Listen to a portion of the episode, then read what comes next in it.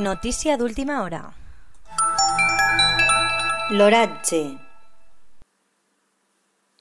L'Agència Estatal de Meteorologia informa de que avui dimecres 7 d'octubre la temperatura màxima ha estat molt elevada en relació als dies anteriors i ha arribat fins als 30 graus. Les mínimes han quedat en 14 graus i el cel ha estat entre sol i núvols.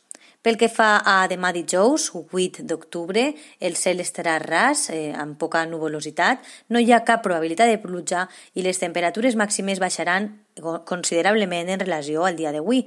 Baixaran en concret 4 graus i arribaran les màximes de demà fins als 26. Les mínimes es quedaran en els 14. Està previst que el vent bufe de sud o sud-est entre 5 i 15 km hora.